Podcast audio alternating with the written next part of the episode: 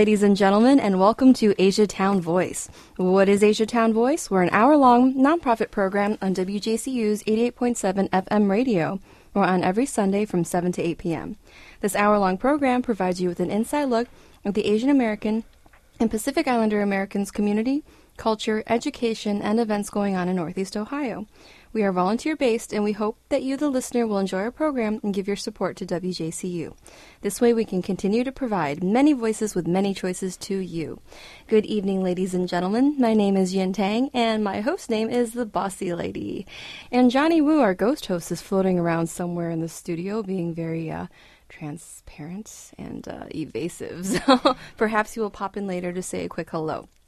Now, without further ado, I'm going to introduce our guest this week. It is Gloria Chu. She is a pediatrician, uh, originally from New York. I believe it was Long Island, right? Yep. All right. So, you know, just starting off a conversation, what brought you to Cleveland? Oh, I came here because um, my residency matched me here. Oh, wonderful. Where did you do your residency? Um, here in Cleveland, but my medical school was in Israel. And so when you finish medical school, you have to go into this thing called the match, which is. Um, it's a binding contract. You have to sort of pick a bunch of schools, um, interview, and if they like you and you like them, you go into a, you rank them, they rank you, and you go into a sort of lottery. And wherever they place you, you have to go. Wow. So that's, that's I was placed here at Rainbow Babies. wonderful. So, how do you like Cleveland and our weather? I don't mind it. Um, I like the snow. I think it's pretty. Um, I sometimes it's a little bit cold and driving can be a little sketchy, but I like Cleveland. I feel like Cleveland is a great city. Um, it has a lot to offer. It has a budding art scene. Has great, um, great, great food. I think. Yeah. Um, I only wish that Cre- Cleveland would give itself a better rap. What do you like? What do you mean? I feel like sometimes it, it's down on itself a little, and I feel like they oh. should be like, you know, we really, we really do rock. Yeah, I mean, we have the Rock and Roll Hall of Fame, right? Yeah, exactly.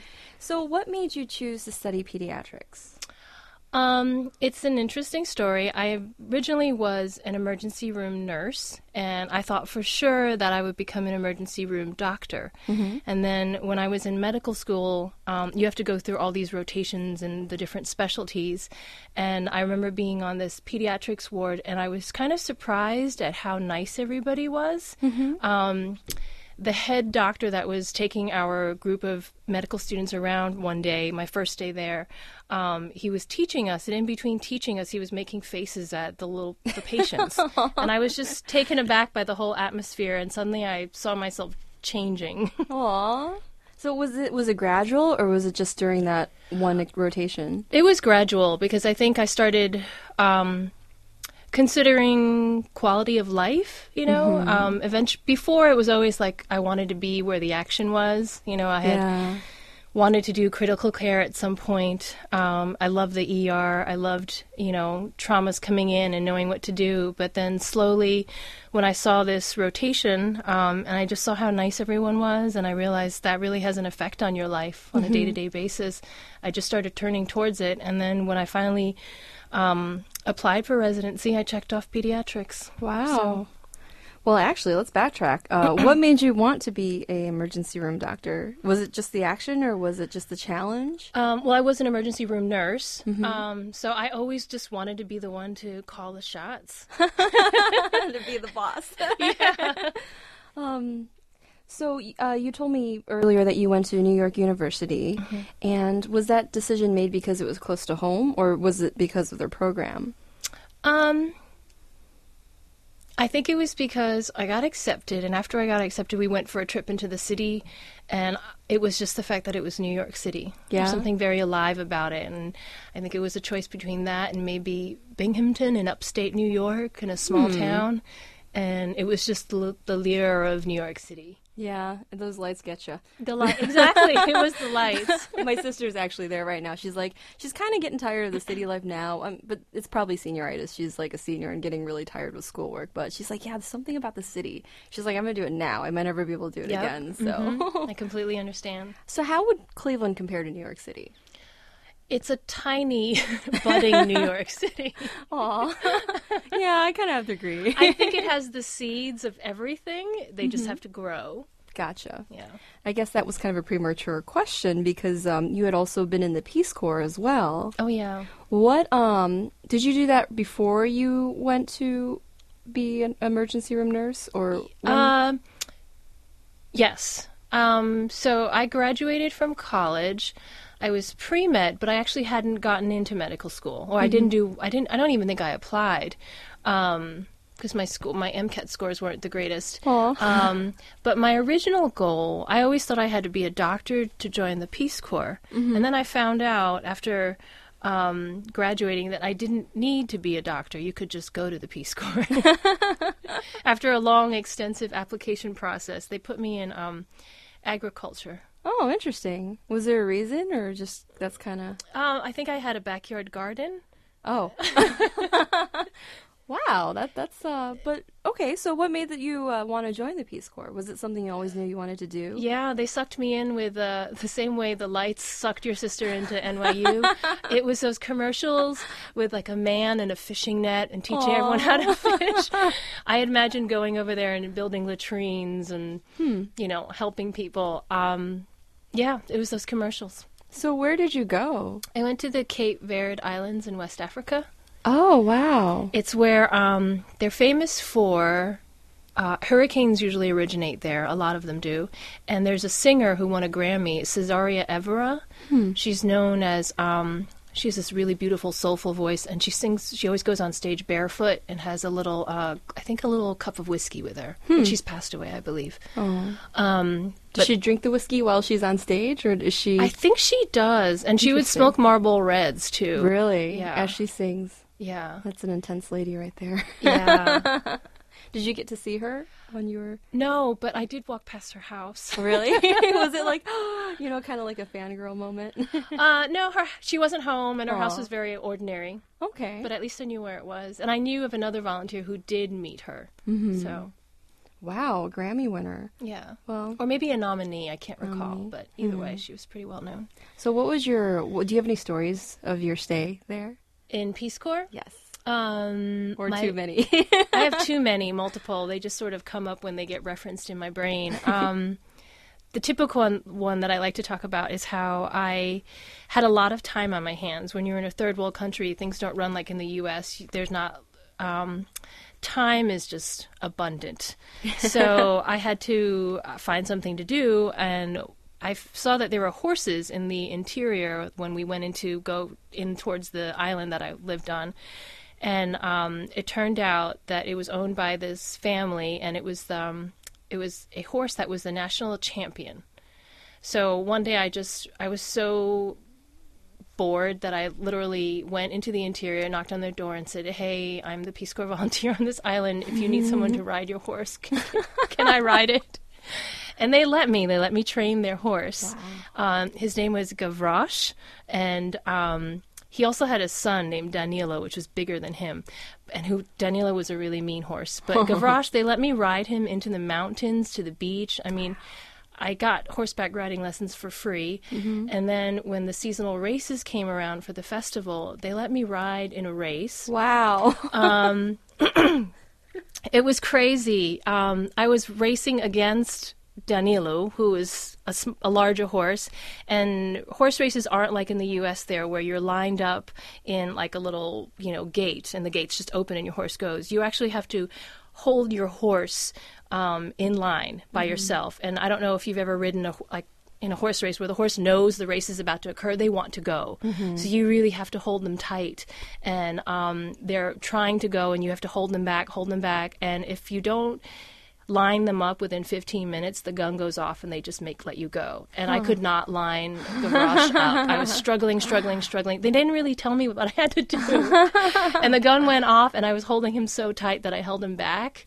And we were so far behind. We caught up, but we didn't win. And I was heartbroken um, because this was the first time he lost a race. Um, but I used to tell people, yeah, I came in second out of two horses. Oh. so it was just him racing his son. yeah, but everyone said it was time. He was like 10 years old. I mean, he was like, it's not like thoroughbreds here where, you know, Yeah. they peak at like two or something. So Do you ever miss him? I do. Yeah. Do you think he's still around? No, I think he's gone. Aw. That was a long time ago. Oh, really? But he had babies. Oh, really? Yeah. Nicer ones than Danilo. Yes. Um, there was Libertad and Americana. And Americana, they think, was um, maybe developmentally delayed. This horse would follow me, this colt, or she was a filly actually, she Mm-hmm. would follow me around like a dog. Aw. Yeah, she's really sweet. You know, I've seen miniature ponies before, and they're tiny. I'm, I'm obviously this isn't a miniature pony, but I I used to have a German Shepherd mix, and he was 135 pounds, and I met a miniature pony that was smaller than my dog before. That's impressive. It is. That's a big dog. He's a very big dog. He um he he doesn't look it when he's standing next to me, but if I hunch down next to him, it seems like he had more body mass than me. Of course, I was smaller back then too. He's passed on. He passed on 11, so I um I think I'm about 10, 15 pounds more than I was back then. But but he uh, he was oh he was slightly bigger than me if I were to hunch next to him. But but yeah, do you have any other stories? Um, I'm sure there are. I can't think of anyone right off the bat. Um, there was the. It was interesting living in this town and what people th- seeing what people thought of me. I was always the sh- Chinesa or Chinesinha, mm-hmm. um, and I obviously look Chinese because I am, but I would hang out with another volunteer on occasion, and they would ask. She was blonde and blue eyed. Her name was uh, her last name was Schwebel, um, and she people would often ask if I was her daughter. Interesting. Yeah, I thought that was funny. You know, the other day I was at uh, ballet class and this lady asked me where my sister was. I'm like, oh, she's in New York. She's like, really? She moved to New York? I'm like, she's been in New York. And she's like, oh, the girl that used to dance with you. I'm like, oh, that's not my sister. That's my friend Jen. Blonde hair, light eyes. so I'm like, yeah, I guess I could be adopted, but no, she's not my sister, so, or vice versa, you know. But yeah, you know. I guess I guess it's that's possible. There's a lot of adopted Yeah, children in the yeah. world. So, um, I do remember you telling me that you were in Europe before, uh, or am I thinking about someone else? In Israel for medical school? no, Alex, cut out this conversation, please. No, I'm just saying it because he'll listen to it as he edits it. So he's not here. um, okay. Okay, so uh, you were in Israel for your medical school, and you said you were matched for that school in particular. Oh no, so medical school you apply to. Oh, okay. But then matches for residency, which is the training for being a doctor after you've graduated from medical school. Okay, I see. So it's a long process and with all these names and titles. So you have you're a medical student, then you re- match for residency. In residency you're a doctor, but you're sort of a baby doctor. Okay. And you're like an intern for the first year. Um, it's like in Grey's Anatomy. I think they're all residents. oh, really? Yeah. I actually don't watch that show, Oh, but okay. I don't watch it either anymore, but I believe they were all residents. Yes, because they had a mean attending. they, oh, really? Yeah, and the attendings are the head doctors that are out um, who are training the residents. And then when you're done with residency, then you're practicing as a full fledged doctor on your own, nobody looking down on you. wow, So- that's almost like literally an apprenticeship back in the old days, the medieval days. Yes. So, uh, about your time in Israel, how was the? Did you find the courses challenging there? Yes, they were very challenging. Um, they were taught differently, I think, from Mm-hmm. American courses, but I don't have much to compare to because I never took any American courses. They were taught in English for us. Um, and sometimes the English wasn't the greatest, so that was always a struggle. But we were taught very well, I felt. Um, we were treated as medical students, as guests, Mm-hmm. different from the medical students here in the U.S. How are medical school students here in the U.S. treated? Um, they're sort of there's more of a hierarchy, and they come in and they're sort of um, they're following, and they they're they're kind of told to fit into the system and um, somehow make use of themselves and learn at the same time, and they're also judged by that. Whereas in Israel, um, we were placed in small groups on a ward, and we were actually taken around. There, they weren't called attendings; they were called professors. Um, but it would be the head doctor on the ward, and we would have personal um, tutoring. Interesting. Yeah, like we would spend a few hours each day um, with this attending doctor, um, following him around the wards, having him discuss a case um, with us in a small group, and I don't see that done here in the U.S. So it was just very different. But it does it is a struggle then when we come back to the U.S. to learn the system. Right. Like we're not used to that. So So, did you know what the education would be like when you applied for school in Israel? um, yeah, because it was supposed to be an American style school. Okay. Um, we took the same am- exams that American students would take, but um, there was there were just some variations in the actual teaching. Interesting. So So, what made you pick Israel, or is it just um, the program was called a Medical School for International Health um, in affiliation with Columbia University, and the actual school that it's at is Ben Gurion University in Beersheba in Israel. Um, yes, it was the fact that it was a school for international health. After my Peace Corps background, I. I feel like the ads for this school sucked me in the same way Peace Corps did. I remember once the again once power of again, marketing? the power of marketing. I remember there was a picture of a medical student in scrubs in obviously a third world Latin American country listening to the heart sounds of a little girl. Aww. And I saw that and said, yes, I have to apply. And then I got in and said, yes, I have to go. so, how long were you there? It's four years. Wow. Wow, that's. Yeah. Did you ever come home to visit, or did you? Oh yeah, much- I came home at least once a year. Um, and my fourth year, um, I was in the States for a few months and then just went back to graduate. But it was definitely a ride of a lifetime. I mean, I traveled a lot, and that place was very, it was interesting in so many facets. Did you get to travel? Because okay, so you were in the Peace Corps. You went to medical school in Israel. Did you travel anywhere else? Um, when I was in the Peace Corps, I would travel around there, and when I was in Israel, I would travel around there. So when I was in West Africa, I went to Senegal. Um, maybe yeah, the only place I went to was Senegal, and I traveled a lot within Cape Verde. When I was in Israel, I went to Jordan a few times. I went to Egypt. Um, and did a lot of traveling, obviously, within Israel. I want to go see the pyramids. I know it's cliche, but I just want to go see the pyramids of Egypt and China. They're really interesting because um, the way you imagine them from the National Geographic covers is you're just, you know, you have to travel on this desert and you see this, you know, the sand laying out there and the sun, and then the pyramids sort of rise out of the ground. But mm-hmm. in actuality, you drive through a suburb, and as soon as you leave the suburb, a block away are the pyramids. really? Yeah, and the Sphinx, it's not as big as you would expect, or as I expected. I actually was wondering if this was a, you know, is this um, a copy of it? People said no, that's the real Sphinx. But when you actually then see the pyramids, they are impressive. Um, and you can go down inside of them. Wow. Uh, but it's kind of scary. One of them, it looked like they dug a hole in there, but the hole is only like four feet high, and there's just a ramp, and you just have to go in. In No single, lights? no lights in single file. And of course, you know, from a medical background, I was like, this is just a hazard. If somebody has a heart attack, we're stuck in here. Wow. but luckily nobody did, right? No? Nobody did. Nobody did. No. Did you get to see any like of the hieroglyphics on the walls or anything?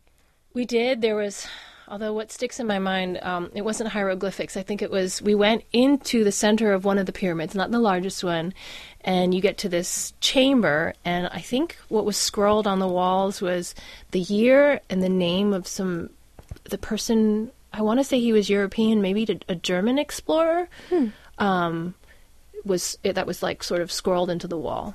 And it Oh, was amazing. wow. It was like him marking the territory, saying, I, w- I was here. Interesting. Yeah.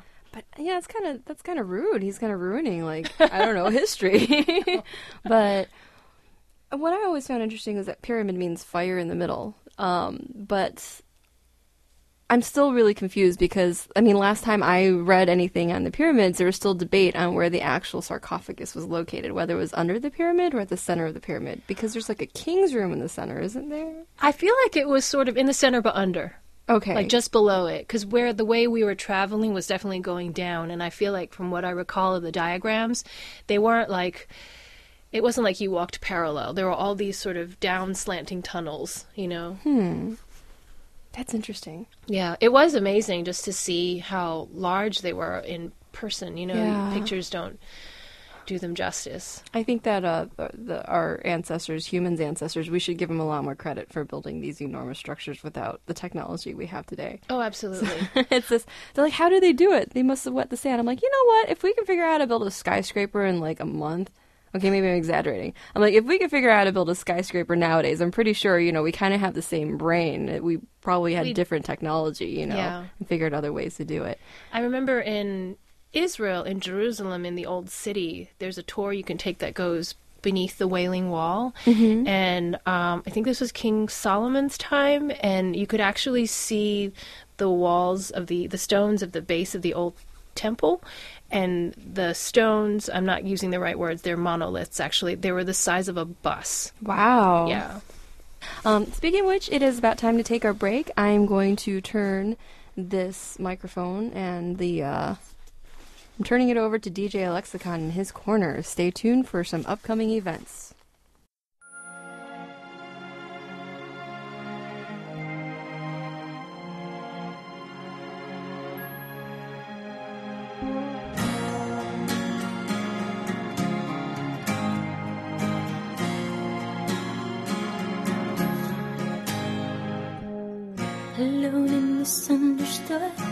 why I came to you. The feelings I have inside, with you I can't hide. I see that life's a game. Get hurt, but who's to blame? I guess I'm just a child in a world that's very wild.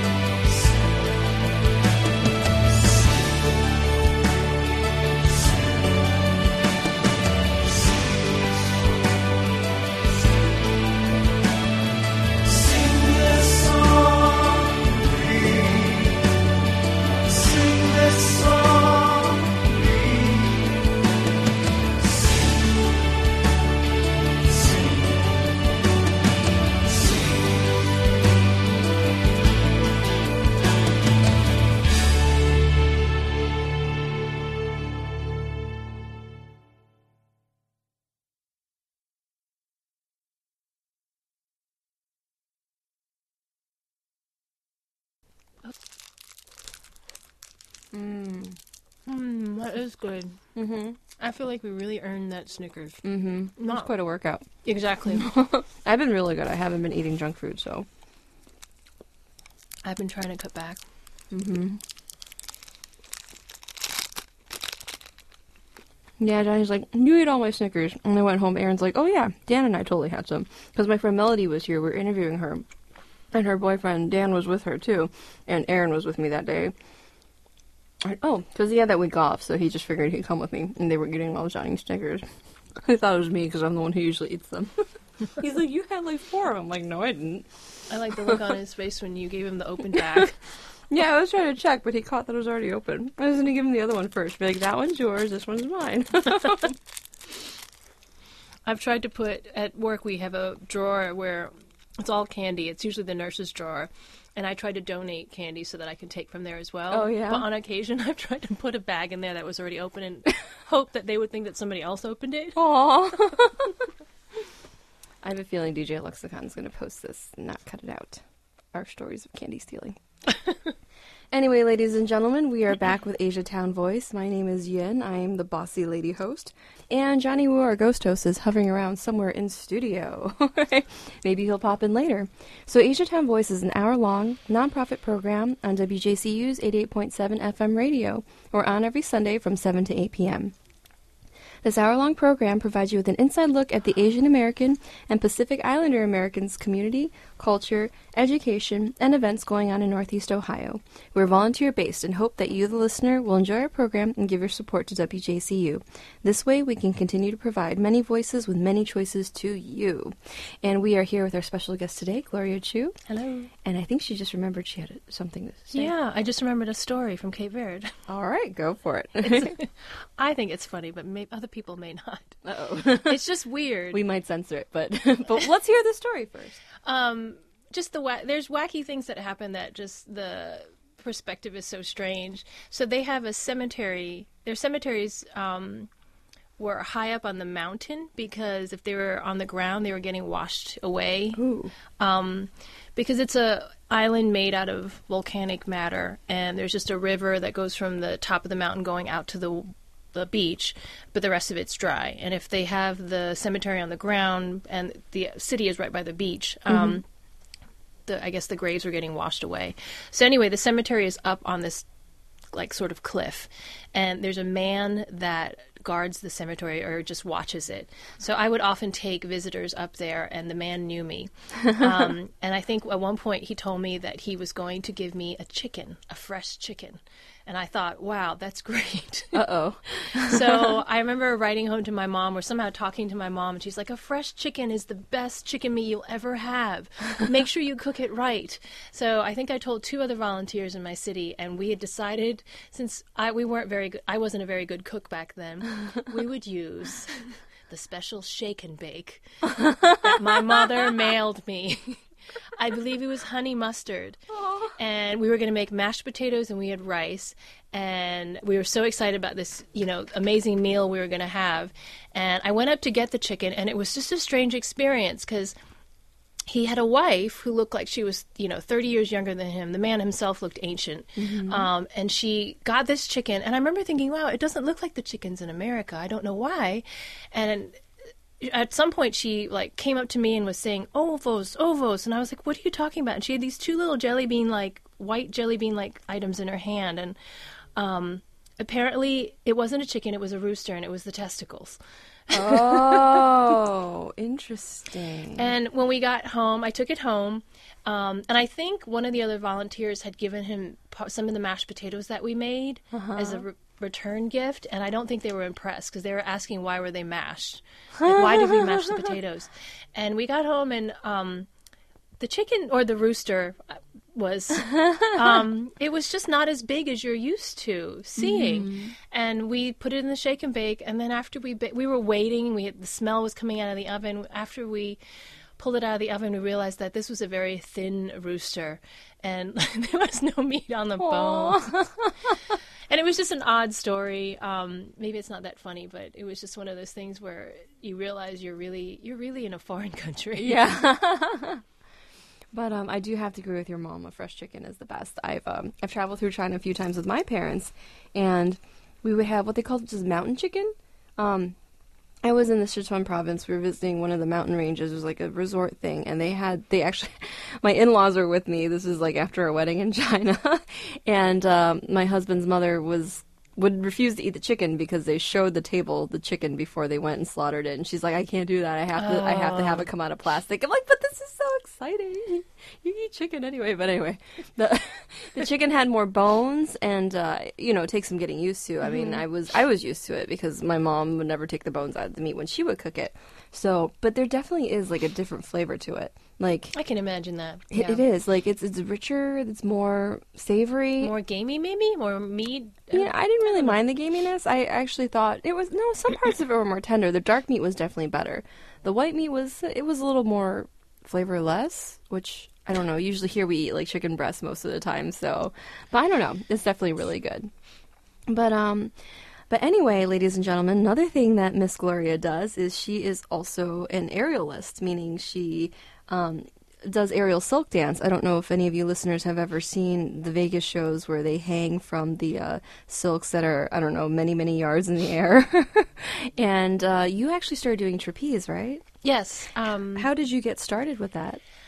the year before, a few years before I went to medical school, um, I was living in Athens, Georgia, and I remember somebody showed me a poster of a trapeze arts, um, a community arts center, and I was so excited. I took one or two lessons there and never made it back because I was working 5 p to 5 a.m. and the classes were at 10 a.m. and I could never get up in time to go back.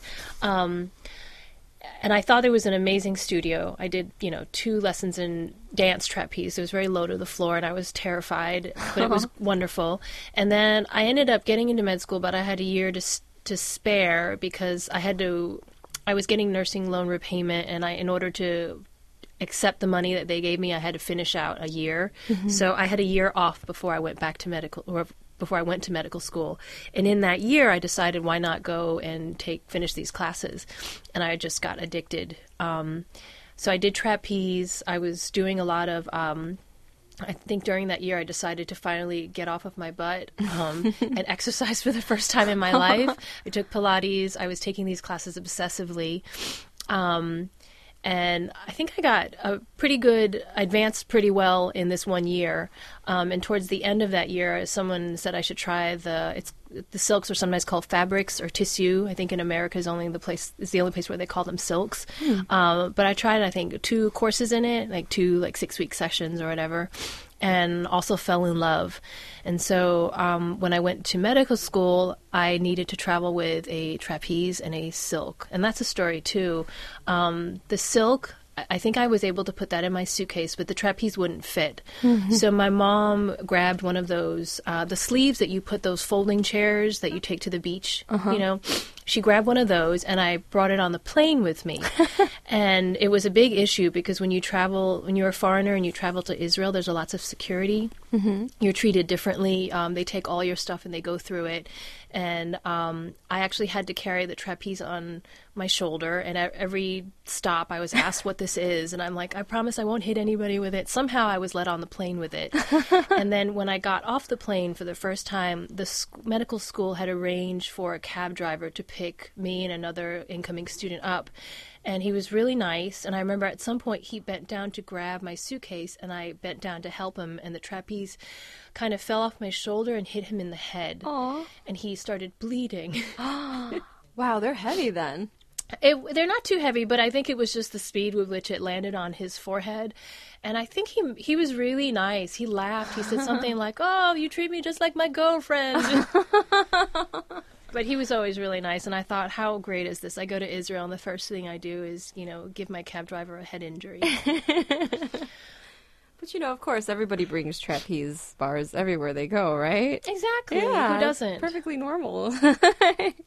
but um, but where did you practice? So it was um, tough at first. We had to find things to rig from. I used the balcony in my apartment. I hung on the por- the patio, not like off the building, but it was only like ten feet high, so I could only just do basic conditioning. And then I found a tree in a park by a synagogue, and I would always recruit people to practice with me. Um, and I remember we would often go there. I think it was Friday mornings or Saturday mornings when they were coming out of synagogue, and um, people would just stop and watch us. And then um, and they would applaud. they would applaud. and eventually we found a park where people took their dogs to poop. We called it the poo park.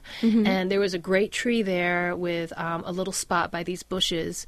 Um, in the bushes, there was a homeless man that lived there. and we were right by a fence, which was the back of the hospital. And there was always a street lamp that looked down over us so we could stay there late at night. And I believe you told me this hom- homeless man always thought there was a ghost horse. Yeah, he would tell us. I think he might have been schizophrenic, but not paranoid. Um, he liked us. Um, often, when I would climb to the top of the silk, I could look down over the bushes and see where he slept, and all of a sudden he would see me and yell out, "America!" and I think that was his name for me. Um, and he would come out and tell us stories for a little while, and often talked about a horse and a ghost, or a ghost horse that was running around, and we would nod and nod, and yeah, he liked us. Maybe it's your friend from. Maybe it's the horse that you were riding. Aw. Oh wow! I'd I just made that connection. Yeah, I mean, for you, there's obviously been a couple years, but I'm hearing this entire story in like what half an hour, so I'm making the connection. it's very possible. Because I mean, there was a couple years in between, right? Yeah, yeah, And, and he was an older horse. Maybe Yeah. he's maybe he really is like kind of a. I don't know, telepath or what do they call those? Yeah, like a psychic. seer, yeah, psychic, yeah. telepath. Very He's like your friend says hi. okay, I know we're reaching. It's not Halloween, ladies and gentlemen, but bear with us. and it's just two women chatting, making up stories. yeah, but it very well could be. Gav- Yes, Gavrilo, right? I d- Gavroche. Gavroche. Okay. Yeah. Named after some veterinarian that they really liked. Aw. well, that's nice. But um, but yeah, now that you're back here in Cleveland, you are still doing aerial silks, and you are teaching as well, correct? Correct. And uh, if anybody is interested in taking lessons, you can go to the Dancefly page on Facebook, or you can contact me. I, I, do a lot of group lessons with Gloria. you can email yintangdance at gmail.com or find me on Facebook, and we'll put you in there with the rest of the students with my class doing lessons. so usually they're Sundays at 1 o'clock. So occasionally we'll do Saturdays. So if you're interested, look up Dance Fly Cleveland on Facebook. You know, I, I realized why I thought you were in Europe. When you said Athens, Georgia, for some reason I was thinking it was like Athens, Greece Uh, in my mind. People often do. It's just yeah. Or it, there's even the country of Georgia too. Yes, there and is. That's why I was thinking, okay, Athens and Georgia. So I'm like, you weren't in Europe. I had a I had a friend. Um, he was a Mexican exchange medical student who I would often talk about Athens, Georgia, to, to him, and he often thought I'd lived in Greece. Ah, So, and that, that was actually a little joke between us. So, so you, yes, so you've quote unquote been to Greece. So, yes. um, oh, so I re- remember speaking with you, and you were quite possibly going to perform at the Asian Festival one year, but you were bitten by a snake. How how did that happen? Um, was that was that here in Cleveland? no, or- that was in Israel. Oh, okay. So Um, okay, so you so obviously you went to visit, and then you just got Yes. So it's a crazy. That's another crazy story in my life. Um, it's it. It's related to how I have my son. You, oh, you didn't have to talk about it. I really That's thought o- you got bit twice by snake. no, no, it's okay. It's okay. Um, so I had this um, very well concocted plan. Um, it starts because I was in my 40s. I am in my 40s now, and not in a relationship, and I really wanted to have a son. And I thought it not wouldn't be a good idea to get into a relationship just to have a baby. So um, I looked into all these possibilities. Um, freezing my eggs doesn't really work if you're over 25, and they don't really. It's very costly, and it's not proven to work. Um, sperm bank kind of creeped me out because it's some anonymous person's sperm, and so I really wanted um, just somebody to be a sperm donor. And um, I actually asked some friends, um, and one friend that I had known from Israel actually volunteered. He heard my plan of either using a sperm bank or just randomly trying to get pregnant. and he thought, you know what, there should be some good intentions for this child if you're going to have this child. So Yeah. somebody, two people should want him to be here. So the only problem was this person lived in Israel and I lived in the US and I was in residency. And also, I was up against age because your fertility goes down with age. And I also had endometriosis. Um, I'd had a cyst on one of my ovaries and they had taken it out. And so I was dealing with one ovaries, one ovary. So there was a lot of strikes against me. Which isn't in, it's it wasn't endom uh, I can't talk. Isn't endometriosis rare for Asians though? Mm, I don't know about that. I think it's quite. I don't think so. I Really? think it's Oh, pretty, okay. Yeah, I think it's Hmm. just as common incident. Uh, the incidence is. Well, yeah, then I don't think it have, favors I have something else to be watch out for. So anyway, um, I decided after this friend had offered to plan this, my doctor helped me. I had to time everything right because I had to travel um, to do this. And um, I traveled once to Belgium to attempt this, but it was one day off and it didn't work. And then I think two months later, I managed to go to Israel for another try.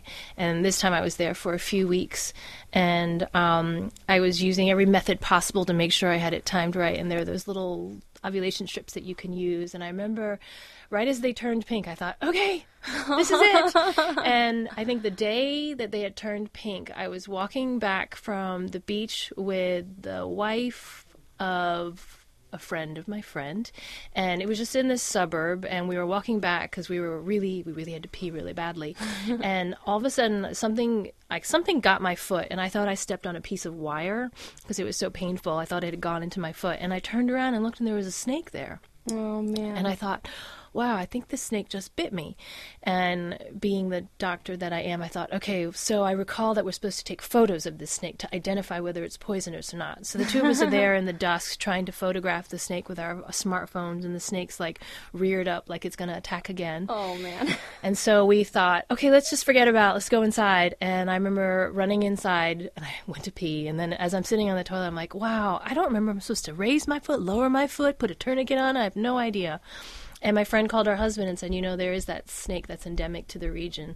It's, um, it's the Palestinian viper. and so we promptly uh, was taken to the ambulance, local ambulance bay, and I remember there was this Israeli paramedic saying, "Gloria, you have to calm down." And I was Oh, sitting wow. there doing my like yogic, you know, ujjayi breathing, and I was like, "I am calm. It's just really painful."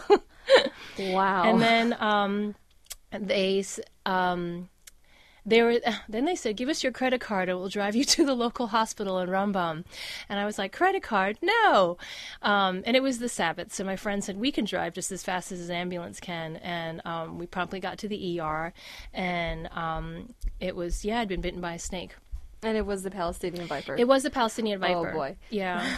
and I remember thinking they were saying that I had to stay overnight. I stayed one night, but the whole time all I could think was like, I have to leave here. I have to go make a baby.